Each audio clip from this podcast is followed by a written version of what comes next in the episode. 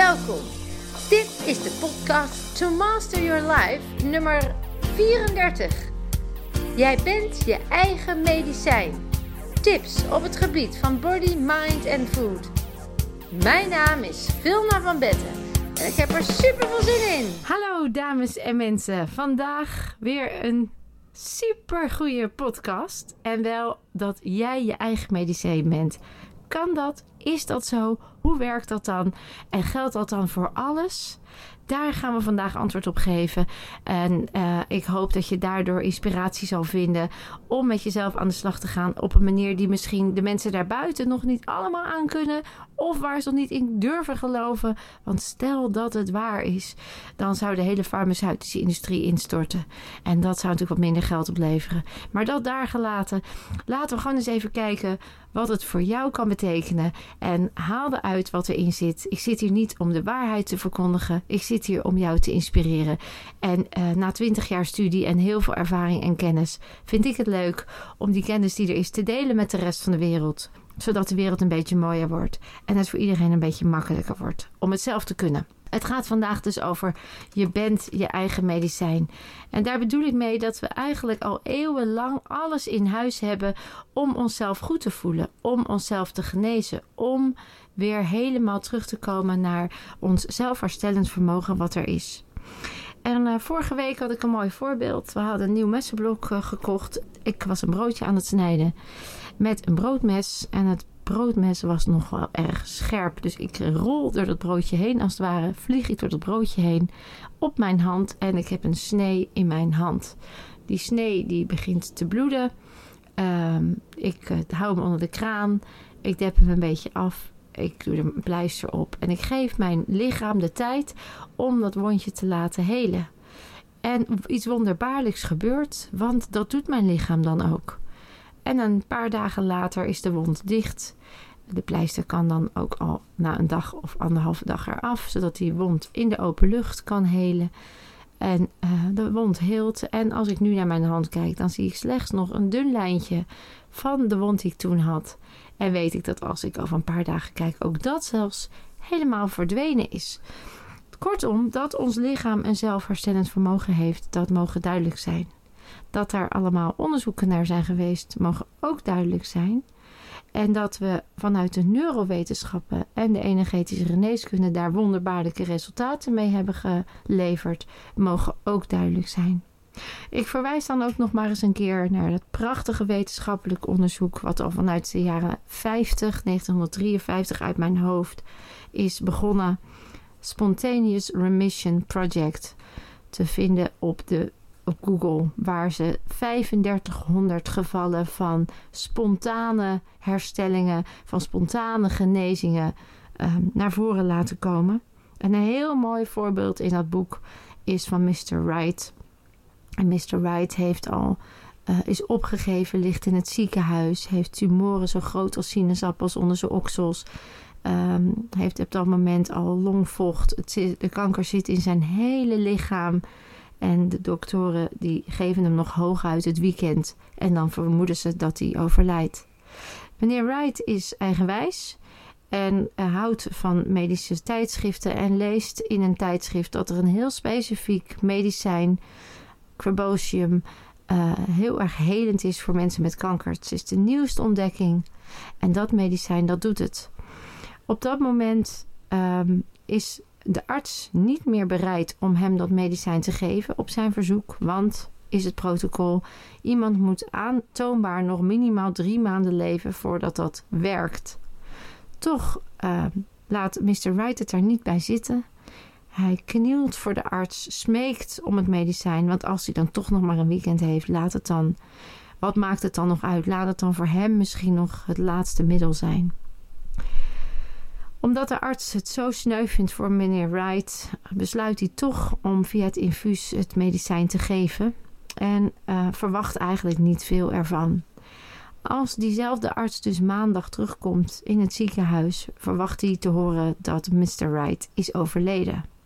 Tot grote verbazing ziet hij meneer Wright over de gangen lopen en blij verrast ziet hij ook dat de tumoren dan al tot over de helft geslonken zijn en in de week daarop volgend helemaal verdwijnen.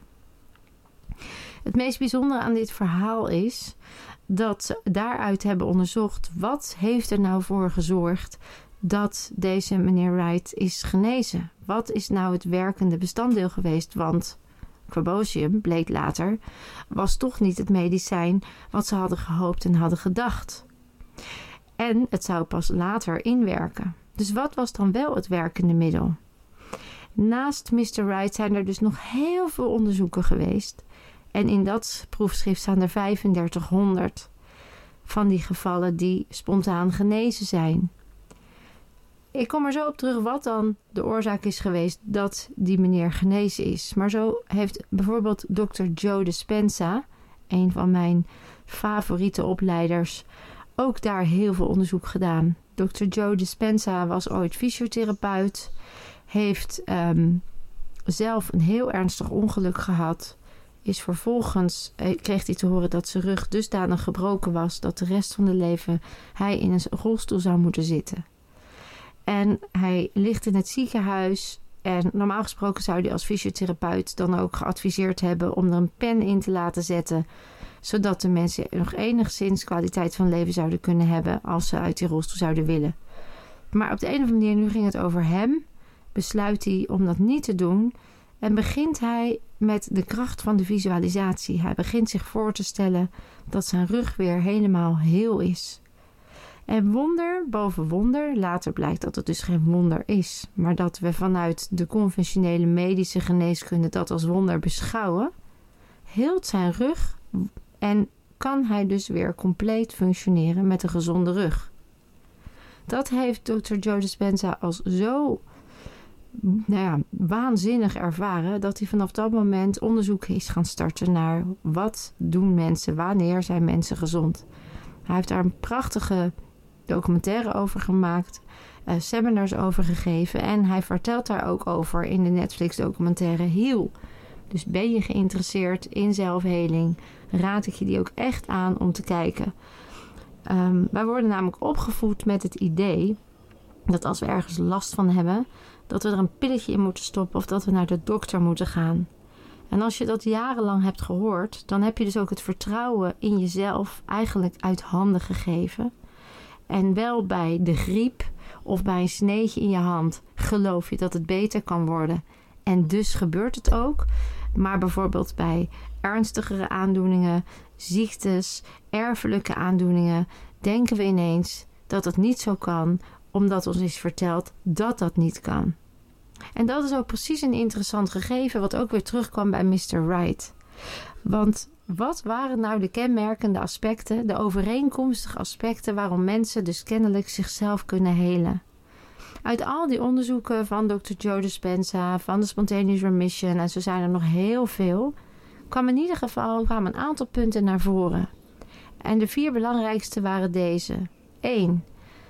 Iemand die verklaard is ongeneeslijk ziek te zijn of ziek te zijn, gelooft in iets groter dan hem of haarzelf, wat hem of haar helpt.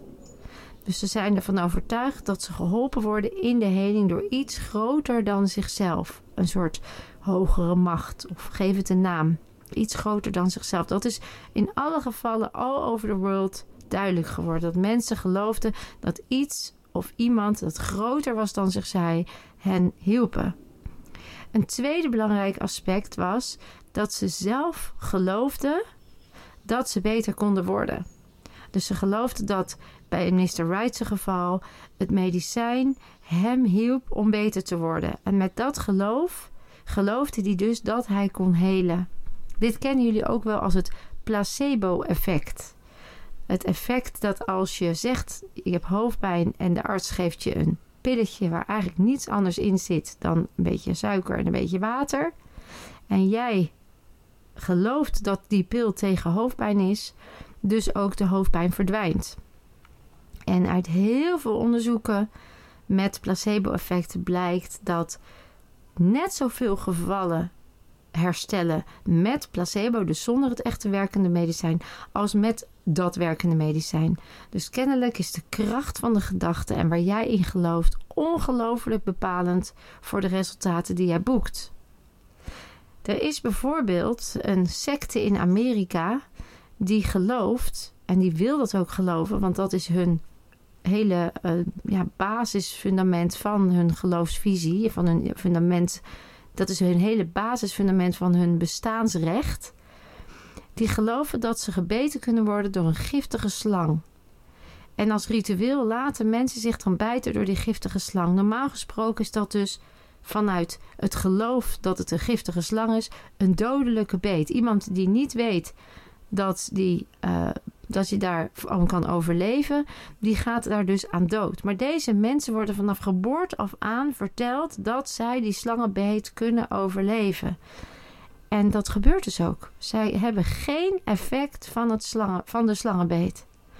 Zo sterk werkt dus de kracht van de gedachte. Dus de tweede belangrijkste uh, oorzaak van zelfheling is dat je echt oprecht kunt geloven dat je kunt helen en dat je sterker bent dan hetgeen wat nu jouw pijn is. Een derde hele belangrijke is dat mensen die zelf hielden ook zagen dat zij van invloed waren op het herstelproces. Uh, dus ze zagen dat wat ze tot nu toe hadden gedaan, had geleid tot deze resultaten. En dus besloten ze hun hele leefstijl, hun levensvisie, hun manier van eten, hun manier van uh, werken, hun manier van zijn, anders in te richten. Dus bijvoorbeeld met meer ontspanningsmomenten, of met meer meditatie, of met meer uh, uh, andere relaties, of in een andere omgeving omdat de omgeving ook heel erg bepalend is hoe jij je voelt en of het ziekmakend is of juist helend is. Dus deze mensen die zelf geloofden dat ze beter konden worden, die wisten dat iets hun hielp, maar een omgeving had die daar niet in geloofde, die hebben ook hun omgeving aangepast om zeker te weten dat ze hun resultaten gingen halen. Dus ze hebben iets anders gedaan dan dat ze altijd deden. Ze hebben hun eigen verantwoordelijkheid genomen voor de resultaten die ze op dit moment ervaarden. Dus geen schuld, maar meer als observant gekeken naar: hey, dit gedrag leidt kennelijk tot het ziek stukje pijn wat ik nu ervaar. Dus ik ga iets anders doen. En de vierde oorzaak, of de vierde reden waarom mensen zelf helen, is dat al deze mensen iemand in een buurt hadden die verstand had van zelfheling en die ook wist hoe dat werkte, zodat ze hun konden helpen in het helemaal weer beter worden. Uh, dus die vier componenten kwamen eigenlijk wereldwijd overal terug.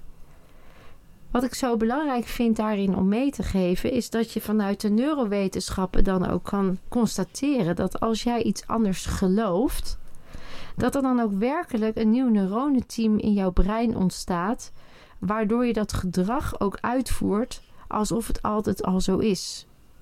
Ik vertel jullie regelmatig in mijn podcast dat jij niets anders bent dan 99% onbewuste programma's die je gewoon hebt ingeprint gekregen vanaf je nulde jaar. En van 0 tot 7 jaar ben jij die superleerling die ongelooflijk veel waarheden in zijn of haar hoofd heeft gekregen, waarom je nu op een bepaalde manier in deze wereld staat. De reden waarom je je nu op een bepaalde manier gedraagt. De reden waarom je doet wat je doet, zegt wat je zegt, voelt wat je voelt. En al die blauwdrukjes, al die programmaatjes, die zijn ook onbewust bekwaam geworden. Dus heel veel van die programmaatjes, daar ben jij je niet meer van bewust, totdat jij op een punt komt in je leven dat je merkt dat iets jou belemmert of dat iets jou tegenhoudt om het resultaat te boeken. En dan moet je wel naar dat programmaatje erachter gaan zoeken wat dat dan is wat jou tegenhoudt. Dus wat is het programmaatje wat jou mee hebt gekregen over ziek zijn? Wat is er tegen jou verteld over beter worden? Wat geloof jij over heling? Waar sta jij? Wat zijn jouw gedachten als het gaat over jezelf kunnen genezen? Kun jij al met de gedachte mee dat dat kan? Of denk je ja, een beetje, maar niet alles? Dat wil niet zeggen dat dat dan waar is. Dat wil zeggen dat het voor jou dan op dat moment nog de waarheid is. Met dus ook die resultaten als gevolg. De resultaten van jouw waarheid. En dan is het goed om jezelf af te vragen welke van die onbewuste programma's zouden dus dan nu gereset dienen te worden. Welke zou ik dan nu anders neer dienen te leggen om nieuwe, gezondere resultaten te krijgen? En ik heb situaties meegemaakt van mensen die ernstig ziek waren, die wisten dat ze iets in hun leven moesten veranderen, dat ze nieuwe patronen moesten in, uh, integreren, die wisten dat ze uh, die wilden echt geloven dat ze konden helen. Maar dan zat er toch nog een onbewust programmaatje in de weg. Bijvoorbeeld, uh, ik ben niet nooit gezien en nooit erkend in mijn leven. En dan door die ziekte krijgen ze ineens heel veel aandacht. Of dan levert dat dus ook iets op, want dan worden ze gezien en gehoord. En dan lijkt het wel zo dat dat ziek zijn, niet dat je dat bewust doet, maar dat dat dan een manier is om die aandacht te krijgen die je zo graag wilde. En als je dan dus beter wordt, ja, dan heb je die aandacht weer niet meer. En die pijn wil je dan vermijden. Dus ziek zijn heeft dan ook een functie.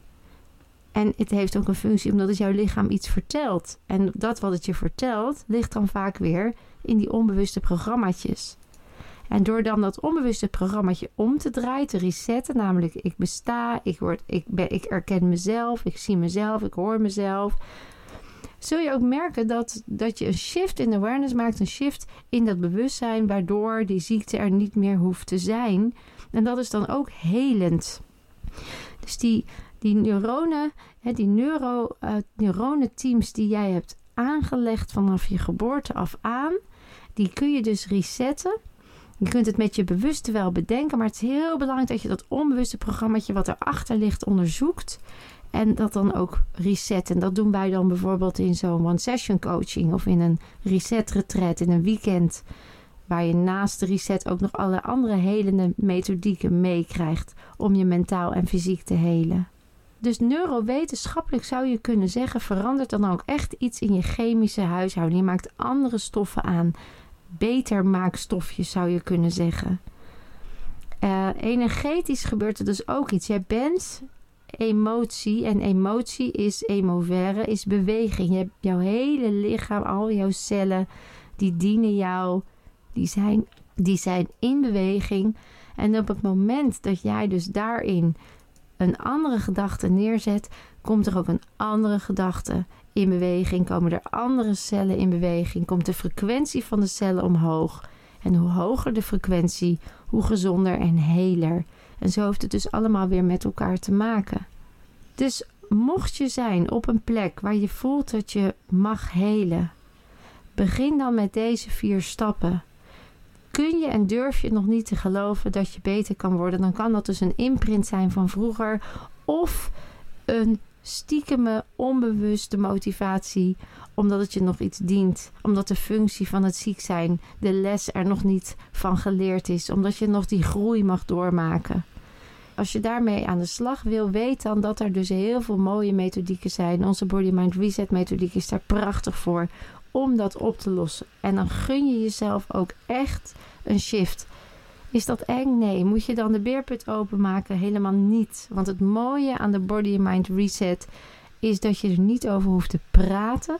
Het enige wat we willen weten, wat we, willen, wat we zouden kunnen vragen is: hoe heb je dat programmaatje in jouw systeem opgeslagen? Is dat groot of is dat klein? Is dat dichtbij of is dat ver weg? Is dat kleur of is dat zwart-wit? En met de technieken, de vraagtechnieken die wij hebben, komen we heel snel tot die kern. Kunnen we heel snel jouw representatie van het programmaatje uitvragen en daarmee ook gewoon resetten en veranderen. Mocht je geïnteresseerd zijn, laat het ons dan weten. En weet dat je dus echt jezelf kunt helen. Durf dat te gaan geloven. Dat is wat ik je mee wil geven van vandaag. Durf heel te zijn. Ik hoop dat je geïnspireerd bent en ik hoop je ook eens te zien op een van onze seminars. Een live masterdag waarin ik nog meer vertel over hoe jouw systeem werkt.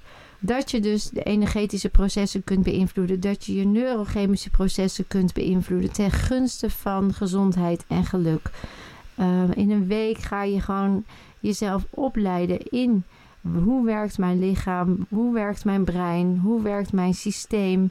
Je gaat dieper naar binnen. Je gaat een shift maken in dat bewustzijn om jezelf op een hoger plan te trekken en jezelf te optimaliseren, het beste uit jezelf te halen. En door even uit je bekende omgeving te zijn, uit je bekende patronen, merk je ook dat dat makkelijk gaat. Waardoor er nieuwe patronen liggen, nieuwe programma's die je dan in de wereld daarbuiten makkelijk kunt inzetten. Want ik hoor vaak, ja, leuk, zo'n weekje, maar als dan terugkomt, val ik dan weer niet in oude patronen. Nou, we hebben een evaluatiescore van een 9,7 op de lange termijn.